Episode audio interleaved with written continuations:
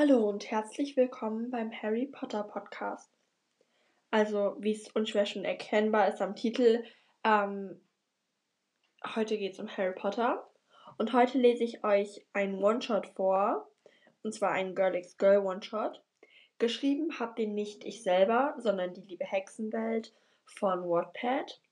Ich würde mich echt freuen, wenn ihr ihr auch gutes Feedback da lasst und mal bei ihrem Account vorbeischaut, denn sie hat wirklich schöne Stories und ich finde das so schön und ihren Schreibstil, ich liebe es.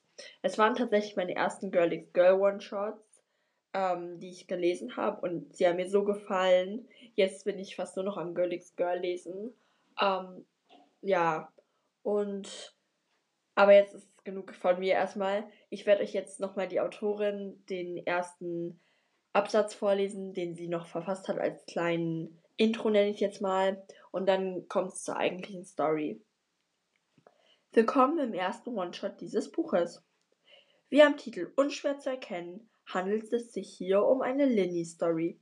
Vorgeschlagen hat es Ed Rebellische minus Punkt. Vielen Dank für deinen Vorschlag. Ich hoffe, es gefällt dir und natürlich auch allen anderen, die diese Story lesen. Lots of love from the Little Witch. Enjoy.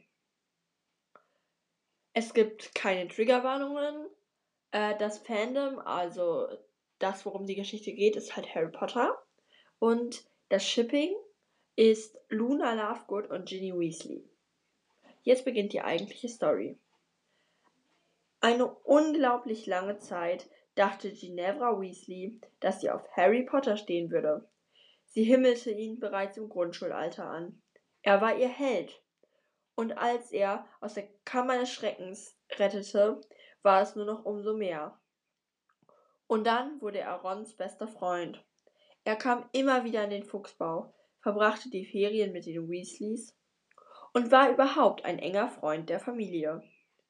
Und dann kehrte Voldemort zurück und brachte den Krieg mit sich. Sie mussten aufstehen, um zu kämpfen, und Harry ging. Er machte sich auf die Suche nach Horcruxen. Am Morgen vor der Hochzeit hatten sie sich geküsst. Doch an diesem eigentlich denkwürdigen Tag hatte Ginny nichts gefühlt. Kein Kribbeln, kein Flattern, keine Schmetterlinge im Bauch, von denen alle immer sprachen. Sie hatte mit Harry geredet. Lange. Ginny war kein Mensch, der in Herzensangelegenheiten direkt war. Sie brauchte Zeit, viel Zeit, um sich über ihre Gefühle im Klaren zu sein. Aber in diesem Moment war sie direkt, denn sie konnte Harry nicht ziehen lassen und ihm Hoffnung geben. So ein Mensch war Ginny nicht. Und sie erzählte ihm, dass sie nichts fühlte. Die beiden einigten sich darauf, Freunde zu bleiben. Ginny war noch nie erleichterter als in diesem Moment. Und so zog ein anderer Junge aus ihrem Leben.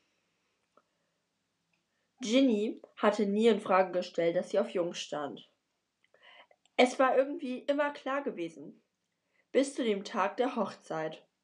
Irgendwas in ihr hatte sich verändert. Und zum ersten Mal dachte sie wirklich über das Thema Jungs nach und ihr fielen Dinge auf, die sie vorher noch nie wahrgenommen hatte. Dass Mädchen eigentlich viel schöner waren als Jungs.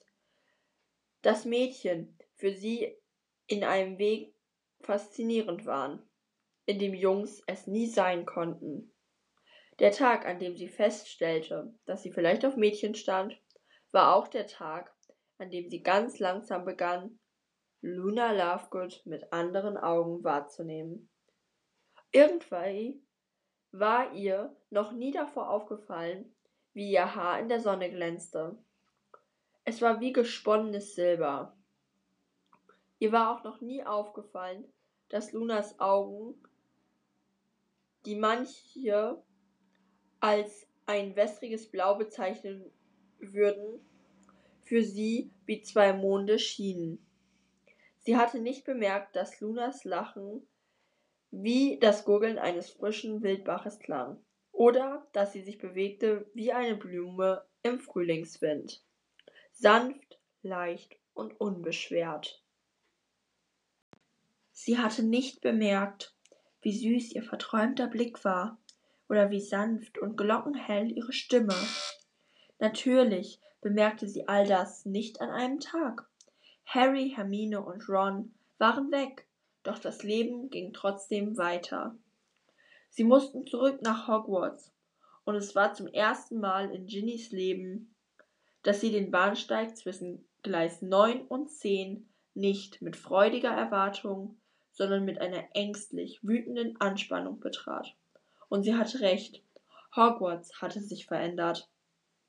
Es war nicht mehr ein Platz, den sie zu Hause nennen konnte. Hogwarts, einst Zuflucht und Heimat, war ein Platz der Kontrolle und Angst geworden.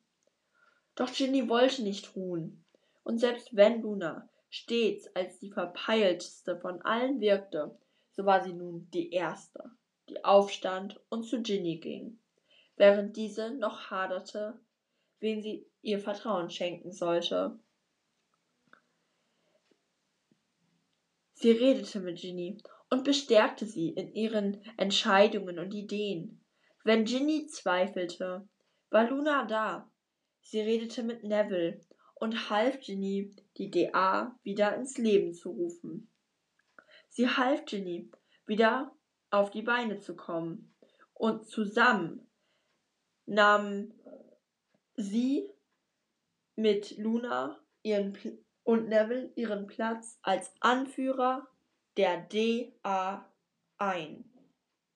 Als Ginny einmal wieder auf ihren eigenen zwei Füßen stand, war sie bereit, loszulegen. Sie sprühten Sprüche an die Wand, sie protestierten im Stillen und retteten Schüler vor Nachsitzen.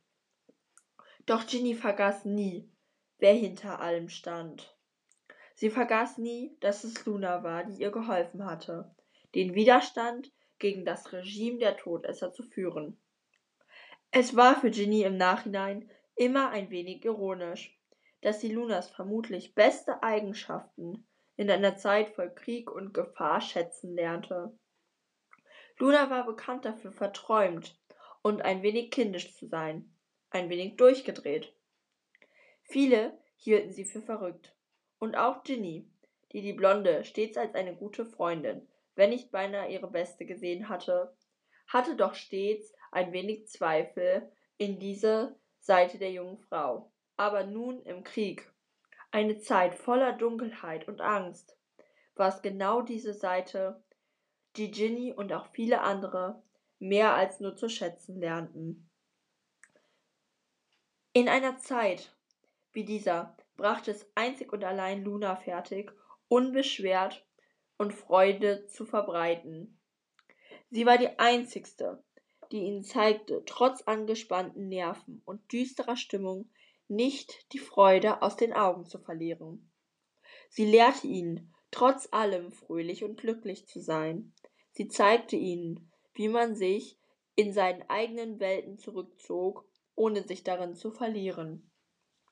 Sie brachte ihnen bei, dass der größte Widerstand gegen die Herrschaft von Menschen wie die, welche den Todessern waren, war glücklich zu sein, frei in Gedanken zu sein, war der erste Schritt, um gegen die Dunkelheit Voldemorts zu bestehen. Und so lernte Linny, so lernte Ginny Luna neu kennen und lieben. Sie bemerkte nicht, dass sie Luna liebte. Die Blonde schlich sich einfach langsam in ihr Herz. Dass es Liebe war, wurde ihr erst in der Zeit nach Weihnachten klar, als Todesser in den Zug stürmten und Luna aus ihrem Abteil zerrten. In diesem Moment brach Ginnys Welt zusammen. Alle wussten, dass es riskant war, was Xenophilius Lovegood machte. Alle wussten, dass es nur eine Frage der Zeit war, dass es passierte. Doch nichts hatte die Rothaarige auf den abrupten Schmerz vorbereitet, der aufkam, als die Todesser Luna brutal aus dem Zug rissen und mit ihr in einem schwarzen Wirbel verschwanden. Ginny machte weiter. Sie musste. Sie wollte nach Luna suchen. Sie wollte sich weinend in irgendein Loch verkriechen und nie mehr hervorkommen. Aber Ginny machte weiter. Für Luna. Sie konnte nicht alles einfach so wegwerfen, was sie aufgebaut hatten.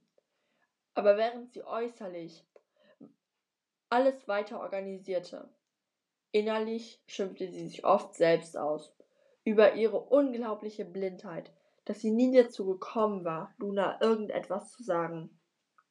Obwohl sie sich beinahe sicher war, dass sie sowieso nicht den Mund aufgetan hätte. Und eines Tages, da holte Dumbledores kleine Schwester durch ihren Gang Ginny in den Eberkopf. Und da, mitten in dem düsteren Zimmer, über dem Schankraum, stand Luna und blickte verträumt aus dem Fenster. Ginny erinnerte sich noch, wie sie einen leisen, überraschten Schrei getan hatte und der Blonden um den Hals gefallen war. Die Kleinere hatte gelacht und sie zurückumarmt. Ginny hatte schon viele erste Küsse mit jemandem gehabt. Unter der Weide am Schwarzen See, in ihrer gemütlichen Küche. Aber sie hatte sich nie vorgestellt, dass sie einmal auf einem zerstörten Turm neben dem Abgrund stehen würde. Sie hatte sich auch nie vorgestellt, dass sie jemals ein Mädchen küssen würde. Nach der Schlacht war sie auf dem Astronomieturm geklettert, während sie den Sieg in der Halle gefeiert und um die Tote getrauert hatten. Sie setzte sich auf einen der gemütlichen, zertrümmerten Steinblöcke, die überall auf der Plattform lagen, und starrte in den Sonnenaufgang.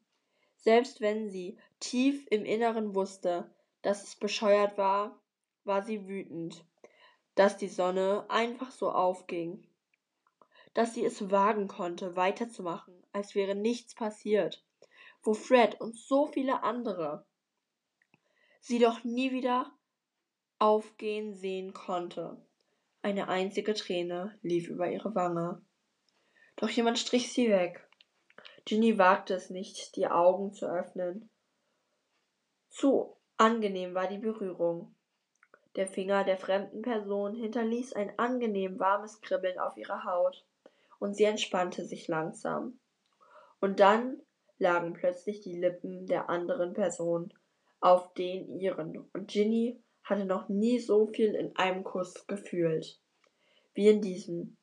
Die Lippen der Fremden, Ginny war sich fast sicher, dass es ein Mädchen war, schmeckte nach Tannennadeln und Sommerwind, nach Erdbeeren mit Sahne und Regen, nach Wald und Freiheit.